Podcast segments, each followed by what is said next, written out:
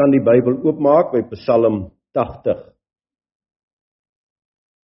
Ek wil graag 'n reeks boodskappe bring oor die herstel van die koninkryk.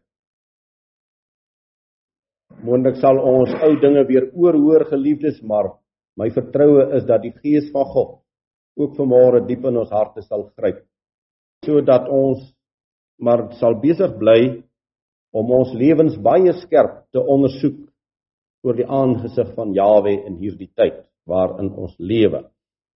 In Psalm 80 vir die musiekleier op die wysie van lelies en getuienis van Asaf in Psalm.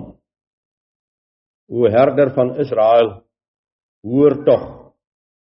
U wat Josef so skape lei, wat bo oor die Gerub stroon, verskyn in ligglans. Wek u mag op oor Efraim en Benjamin en Manasse en kom ons te hulp. O God, herstel ons en laat u aangesig skyn sodat ons verlos kan word. O Jawe, Elohim van die leerskare, hoe lank nog rook u toren by die gebed van u volk? U moet luister na elke woord hoor. U het hulle trane brood laat eet, hulle oorvloedig trane laat drink. U het ons 'n voorwerp van stryd gemaak vir ons bure en ons vyande drywe die spot. O God, o Elohim van die leerskare, herstel ons en laat U aangesig skyn sodat ons verlos kan word. 'n Wingerstok het U uitgetrek uit Egipte. U het die nasies uitgedrywe en hom geplant. Hy het voor hom plek gemaak en hy het wortels geskiet en die land vervul. Die berge was oordek met sy skaduwee en met sy ranke die seders van God. Hy het sy ranke uitgebrei tot by die see en sy lote na die rivier toe. Waarom het hy sy mure stukkend gebreek sodat almal wat met die pad verbygaan om kaal pluk? Dis dan pragtig, jy weet as jy nou hierdie gedeelte gaan lees saam met Jesaja 5, dan is dit wonderlik Jesaja wat nou soveel later as as Asaf skrywe en dan sê hy sê hulle dieselfde dinge. Die wilde vark uit die bos eet hom op en wat roer op die veld by hom af. O God van die leerskare, kom tog terug, aanskou uit die hemel en kyk en gee ag op hierdie wingerstok. En wees 'n beskerming vir wat u regterhand geplant het en oor die seun wat u vir u self groot gemaak het. Hy is met vuur verbrand. Hy is afgekap van wie die dreiging van u aangesig kom hulle om. Laat u hand wees oor die man van u regterhand, oor die mense seun wat u vir u self groot gemaak het. Dan sal ons nie van u afwyk nie. Hou ons in die lewe, dan sal ons u naam aanroep O Jawe Elohim van die leerskare, herstel ons. Laat U aangesig skyn sodat ons verlos kan word. Dit is dan koninkryk se herstel, die eerste aflewering. Geliefdes, ons ken die bekende van die skrif, naamlik dat Adam en Eva in volmaaktheid deur God Jawe geskape is. So volmaak dat hulle beelddraers genoem word van die almagtige beelddraer na die beeld en die gelykenis van God. Dit wil sê volmaak. Dat God hierdie mens wat hy skape, hierdie Adam wat hy skape, dat hy hulle in 'n pragtige skepping kom plaas. Ons het 'n volmaakte mens en ons het 'n korrekte skepping.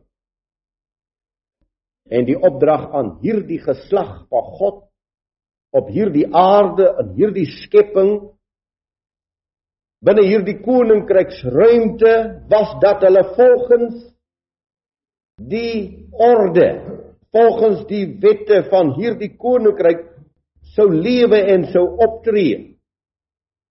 En as God geskape wese volgens die beeld van God moes hulle in die naam van God oor hierdie skepping heers. Hulle moes alles wat op hierdie skepping is onderwerp. Adam kry selfs die opdrag dat hy name moes gee aan alles wat lewe. Nou u sien dit is 'n besondere wetenskap wat hy ontvang het om 'n naam te gee aan elke kreatuur op aarde sodat dit sal pas. Sy naam sal pas by sy karakter, by die wese se karakter wat op aarde is of die dier. En dan kom die verskriklike van die sondeval. Nou ek wil vir u sê as 'n mens mooi gaan lees Genesis 1 tot 3, dan het jy baie probleme. Jy kry geweldig baie probleme want daar is groot gedeeltes wat my betref uh, weggelaat. Daar's baie onduidelikhede. Maar ons kry in uh, in weer 'n skepping. Wanneer die mens val, dan word die woord formering gebruik, dan formeer God. Uh dan skep hy nie, dan formeer hy.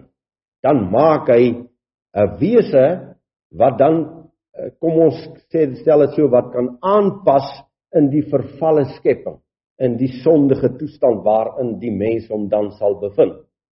So hy word iets anders as wat hy was. Hy word sondaar. Hy word onvolmaak. En die skepping waarin hy woon, verloor sy korrektheid. Verloor sy perfekte balans. Ek wil vir u sê as ons regtig sou insig kry oor wat daar gebeur het toe toe hierdie adamitiese geslag toe hulle val, dan sal ons seker dinge beter kan verstaan. Maar daar het 'n verskriklike ding gebeur. Daar's 'n verskriklike tragiese iets gebeur in hierdie magtige wonderlike handewerk van God. As ons nou lees in die skrif dat die Satan, dat Lucifer hierdie God van eweredigheid soos Esegiel 28 hom noem, dat hy geregeer het en kindertjies moet mooi luister, dat hy geregeer het oor hierdie aarde. En hierdie aarde was 'n pragtige plek.